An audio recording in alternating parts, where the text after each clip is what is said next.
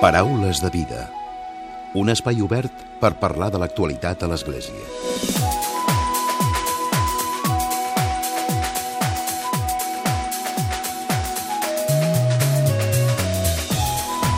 Què tal? Salutacions i molt bon dia, molt bon diumenge. Avui novament us parlem de Mans Unides i de la seva campanya de sensibilització per aquest 2017. De fet, avui és un dels dies més importants de la campanya, ja que es fa la col·lecta a totes les parròquies a benefici dels projectes de lluita contra la fam i la pobresa, als quals hi dona suport Mans Unides, de fet, al llarg de tot aquest cap de setmana. El lema d'enguany és El món no necessita més menjar, necessita més gent compromesa. La campanya posa la seva atenció sobretot en tres qüestions essencials en la lluita contra la fam, el malbaratament d'aliments, l'especulació alimentària i l'agricultura sostenible. De tot plegat en parlem avui, ho fem amb un nou testimoni que Mans Unides porta aquests dies a Barcelona. Avui parlem amb l'activista colombià per la pau i els drets humans Jaime Absalón León Sepúlveda, director i fundador de la corporació de la Corporació Claretiana Norman Pérez Bello.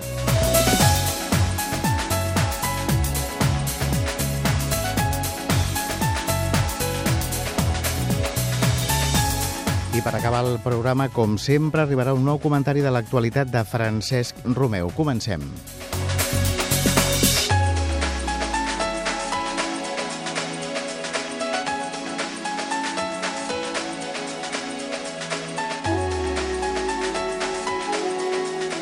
Donem la benvinguda, al buen día, Jaime. Bienvenido. Muy buenos días, muchas gracias por invitarme a este programa. Primero de todo, la Corporación Claretiana, ¿a qué se dedican? La Corporación Claretiana es una organización eh, de la sociedad civil, de la Iglesia Católica y de los laicos que se dedica a acompañar comunidades indígenas, campesinas y eh, a acompañar a víctimas de la violencia en un poco eh, el tema de la resiliencia y la reparación. De hecho, el, el su testimonio estos días aquí en Barcelona eh, ejempliza un poco toda la situación que hay, el papel que tiene la Iglesia, el papel, el papel que tienen también activistas como, como usted eh, en pro de los derechos humanos, ¿no? Sí, es una, una oportunidad que nos da Manos Unidas al venir y a invitarnos aquí en España para acompañar la, la campaña del mundo no necesita más comida, sino necesita más gente comprometida para poder exponer el compromiso que tenemos los laicos, las personas que también somos de fe y que junto con religiosos, religiosas y, personas de la iglesia, pues nos comprometemos en la defensa de los derechos humanos, del medio ambiente, de la ecología. Después hablaremos eh, más concretamente de, su labor allí, pero la actualidad nos hace hablar de, Colombia y de cómo está el proceso de paz. a día de hoy, ¿cómo se está viviendo? Ah, bueno, es eh, interesante porque hay un, sentimiento en una parte de la población de esperanza, de, reconciliación, de poder empezar como si empezáramos de nuevo, como si volviéramos a nacer. Entonces, la oportunidad que se está viviendo con los diálogos con el primer ejército, que es la guerrilla de las FARC, que va en una etapa muy adelantada y que ya empieza la implementación de lo acordado en la ciudad de La Habana, en Cuba, pues nos da demuestra que, podemos empezar de otra manera y ayer mismo iniciaron los diálogos con el grupo el segundo grupo guerrillero importante que es el ELN, Ejército de Liberación Nacional, y en la ciudad de Quito, en la República del Ecuador, pues iniciaron la, mesa de negociaciones, lo cual nos va diciendo que vamos por el camino correcto para acabar el conflicto de manera negociada y dialogada. Entonces, la ciudadanía tiene esa sensación de esperanza. De que... Sí, claro, hay una parte que, que es la, la gran mayoría, diríamos que sí, y que cada vez nos convencemos de que ese es el mejor camino, aunque hay una oposición eh, eh, pues orquestada, diseñada, pensada, publicitada de decirle no a la paz también, ¿no? De que los acuerdos van por mal camino, de que el, el país va hacia, hacia, hacia el hueco, pues, porque está firmando los diálogos, la paz con las guerrillas, que, que no hay que negociar, sino hay que acabar al, otro, o, no hay que negociar como se está negociando. Ese era el impacto, ¿no? En octubre, cuando se hacía el, referéndum. Sí, esa fue la sensación que quedó, pero eh, no es la realidad, digamos. Eh, inmediatamente eh, el, el, plebiscito pasó por, por 60 mil votos, ganaron los del no. Eh, la gente se votó a las calles, hubo llanto, hubo un compromiso muy, muy especial de los estudiantes de las universidades, de los pueblos indígenas, se volcaron a la ciudad de Bogotá los pueblos indígenas también, los movimientos sociales de iglesia, a decirle sí a la paz, a, a, decirle, a pedirle al gobierno que sostuviera los, los diálogos con, con, la FARC y que empezara los diálogos con el ELN. Es decir, que aunque hay una parte que dice que no, hay una gran mayoría que dice que sí y que cada vez somos más los que le apostamos a un acuerdo con las guerrillas y que el gobierno pues brinde garantías sociales para que se dé la paz. Jaime, defender los derechos humanos en Colombia tiene un plus. Sí, claro, digamos que es el, el, trabajo más peligroso que, que, puede existir en Colombia. Eh, eso lo demuestran las cantidades de, víctimas que, que, hay. El año 2016, más de 100 muertos en eh, líderes sociales, activistas, ambientalistas, organizaciones de mujeres, eh, tuvieron víctimas y pusieron más de 100 víctimas. En el año 2015 fueron 70 y ahora ya vamos por unos 15 personas, eh, ya 45 días del primer del, del año y ya vamos por 15 personas que han sido víctimas de, de asesinatos, de amenazas fuertes, de ataques, de, de lo que llevamos de año. De lo que llevamos de año. Esto quiere decir que que eh, ahora no solo defender los derechos, sino defender la paz se convirtió en el trabajo más peligroso en Colombia. Hablemos de, del papel que juega Manos Unidas también, el apoyo que, que os dan, que os brindan, ¿en qué se traduce? Bueno, pues eh, es la oportunidad para agradecer a Manos Unidas y a toda la gente que trabaja en, en España, en todos eh, los lugares de España, en las ciudades, comprometidas con, con Manos Unidas, buscando recursos y, y, y el equipo que tiene Manos Unidas de proyectos porque nos permite eh, ayudar con unas comunidades indígenas seminómadas que viven en la región de la Orinoquía, más exactamente en el departamento del Casanare, en el municipio de Paz de Ariporo, así se llama, muy lejos de los centros urbanos y que por culpa de la colonización de sus tierras y de la persecución histórica que han sufrido los pueblos indígenas de esta región del país, pues se han visto casi en la extinción. Y desde el año 2009 tocamos la puerta de Manos Unidas y nos abrió sus puertas y nos con mucha fraternidad nos ha acompañado con un proyecto que nos permite enseñar a cultivar a unos pueblos que lo están pidiendo, que están pidiendo oportunidades para cultivar a su ritmo, con su cultura, con sus dioses, con sus creencias. Y el otro punto importante de este proyecto es que eh, les estamos eh, compartiendo la sabiduría de las leyes a las que tienen derecho, de los derechos fundamentales que otorga la Constitución Política de Colombia, de los derechos que otorga eh, los convenios internacionales como el 169 de la OIT. Ese es el segundo punto que nos parece supremamente fundamental porque Manos Unidas contribuye a la formación política de las personas, de los pueblos indígenas, para que reclamen sus derechos y para que los exijan. Que tengan capacidad para poder reclamar. y que tengan capacidad también de autogobernarse y de tener una autonomía propia eh, y que no sean dependientes, sino que sean autónomos, respetuosos de las leyes también y que tengan su propio desarrollo y su propia evolución. ¿Son situaciones muy complicadas?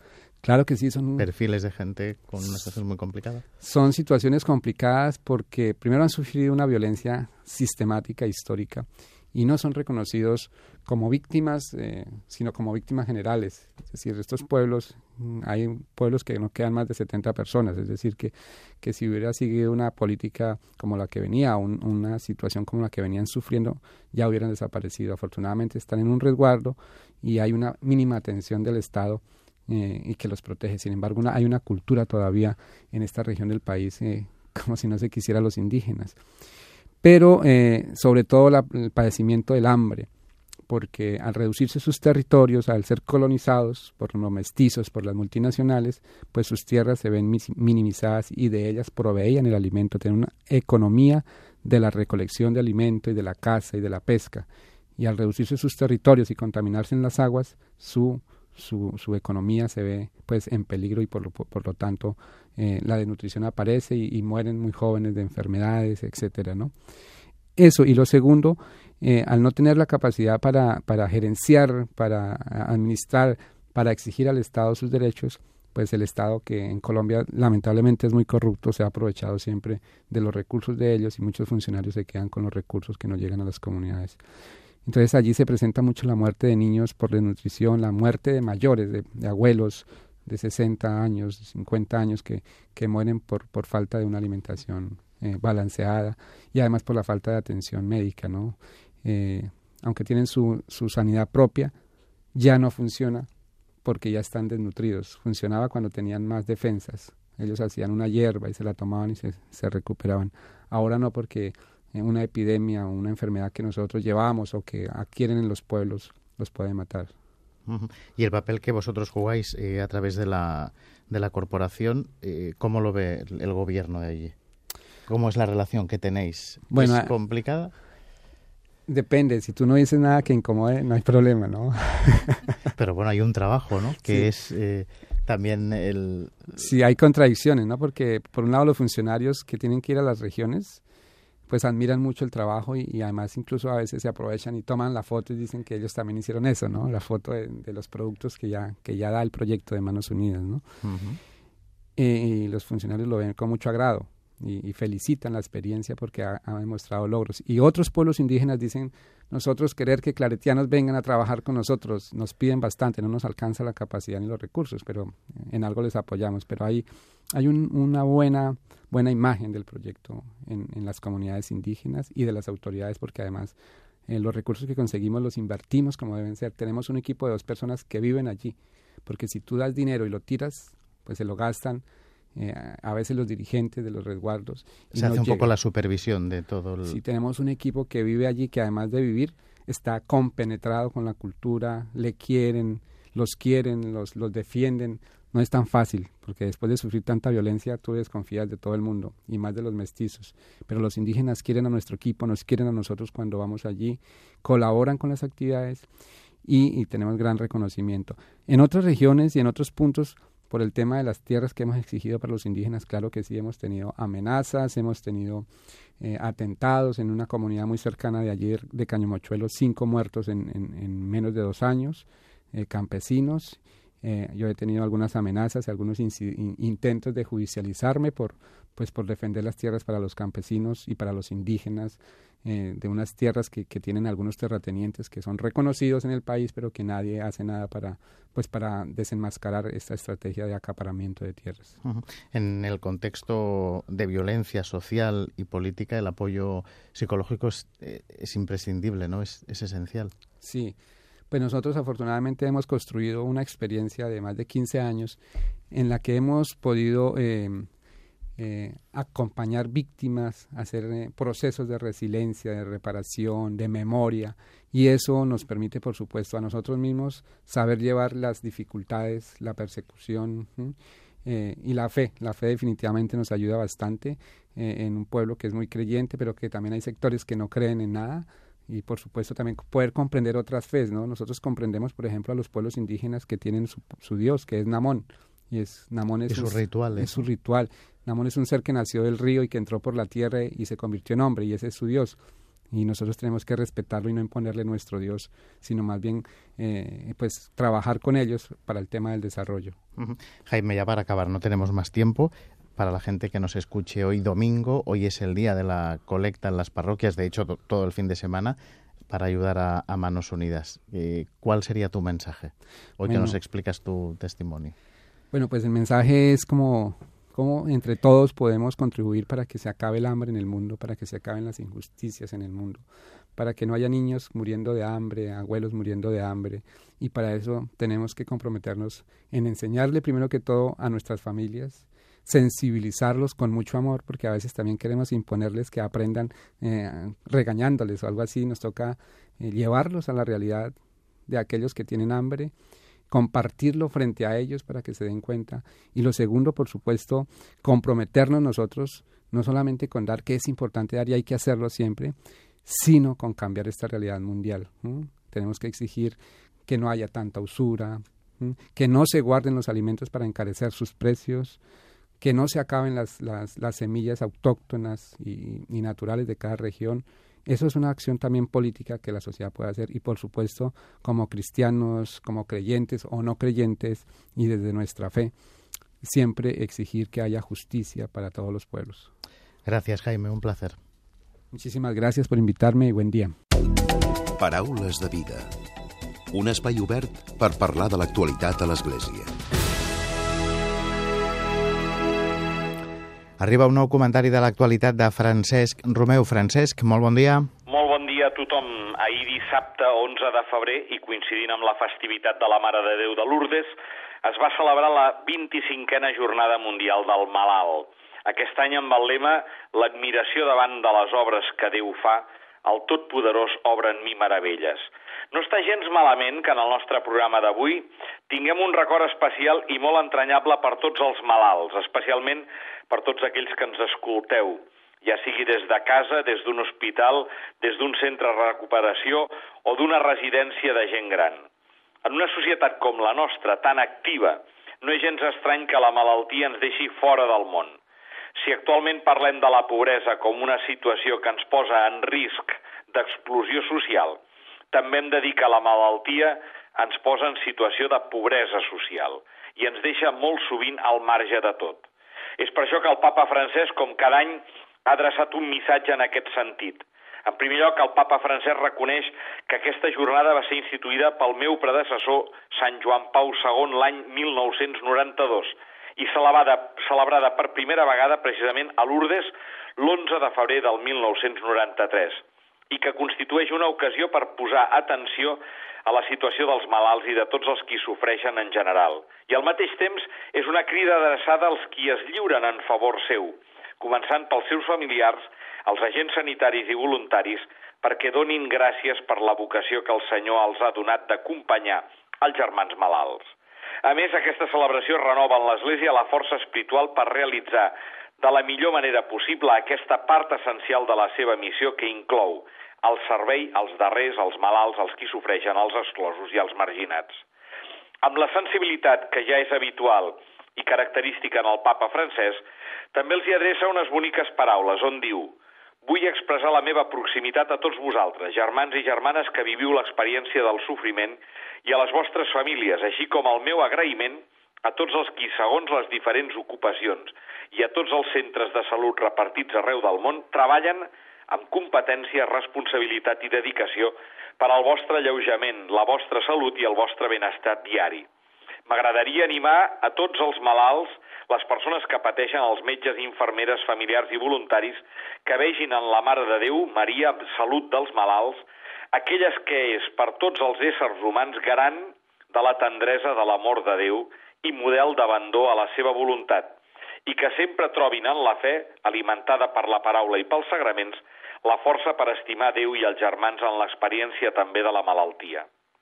Pel que fa als drets dels malalts, el papa Francesc ens recorda que cada pacient és i serà sempre un ésser humà i ha de ser tractat en conseqüència. Els malalts, com les persones que tenen una discapacitat fins i tot molt greu, tenen una dignitat inalienable i una missió en la vida i mai no es converteixen en simples objectes, encara que a vegades puguin semblar merament passius, però en realitat mai no és així. Els malalts, els qui sofreixen, no sols porten amb ells el desig de curar-se, sinó també el de viure la vida pròpia de manera cristiana, arribant a donar-la com a veritables deixebles missioners de Crist. Demanem, doncs, a la Immaculada Concepció la gràcia de saber veure sempre el malalt com una persona que certament necessita ajuda, a vegades fins i tot per les coses més bàsiques, però també porta amb ell un do per a compartir amb els altres. Per acabar, el papa conclou el seu missatge recordant que l'Església té el seu compromís diari en favor dels necessitats i dels qui sofreixen i que podem trobar una nova motivació per col·laborar en la difusió d'una cultura respectuosa de la integritat i dignitat de les persones, fins i tot a través d'un enfocament correcte de les qüestions de bioètica, de la protecció dels més dèbils i de la cura del medi ambient. Per això, diu el papa, Renovo amb la meva pregària i el meu encoratjament la meva proximitat als metges, als infermers, als voluntaris i a tots els consagrats i consagrades que es dediquen al servei dels malalts i necessitats, a les institucions eclesials i civils que treballen en aquest àmbit i a les famílies que cuiden amb amor els seus familiars malalts. Desitjo que tots siguin sempre signes joiosos de la presència i de l'amor de Déu, imitant el testimoni de tants sants i santes. Molt bon diumenge a tothom.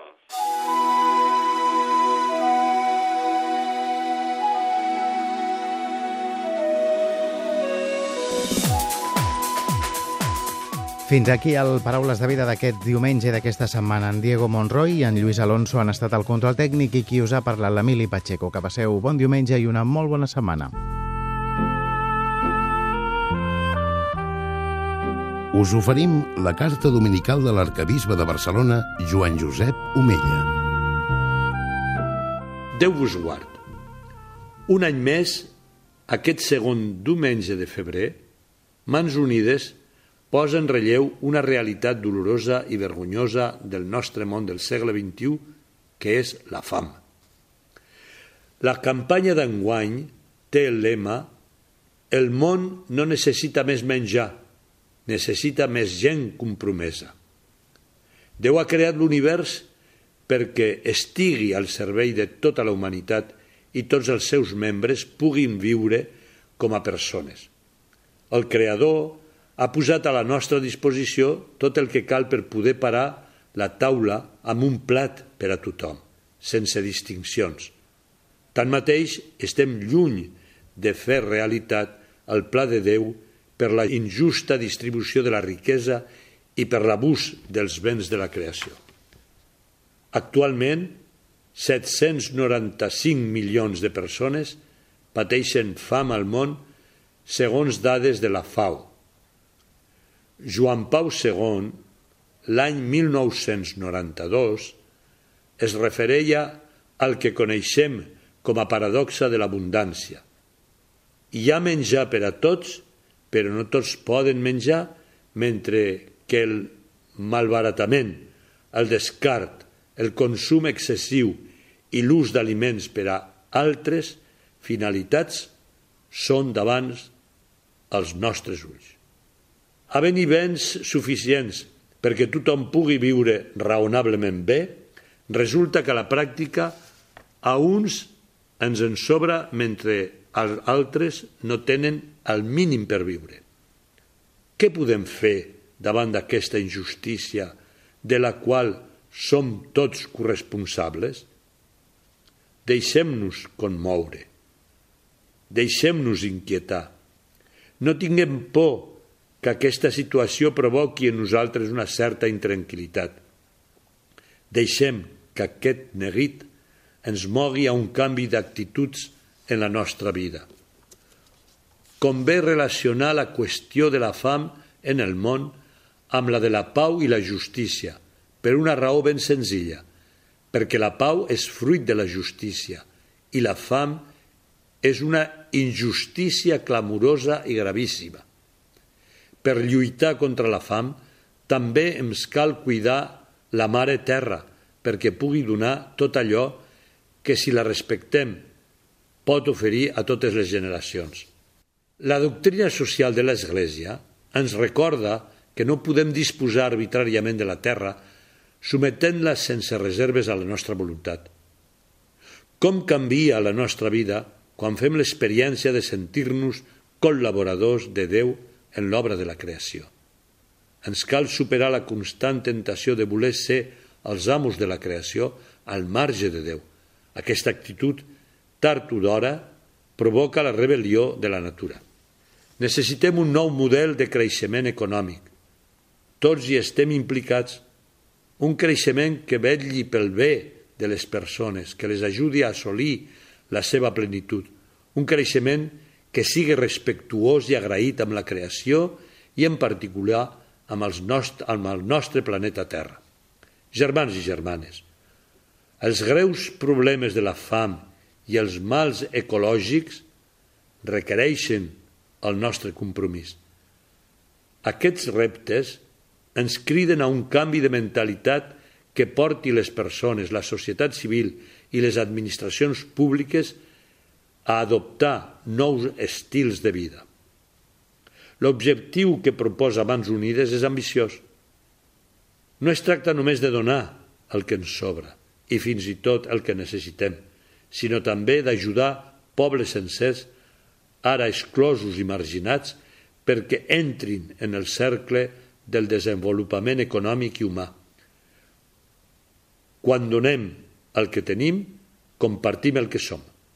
Denunciem el patiment i preguem Déu, estem treballant per la justícia i per la pau. Que Déu us beneixi a tots.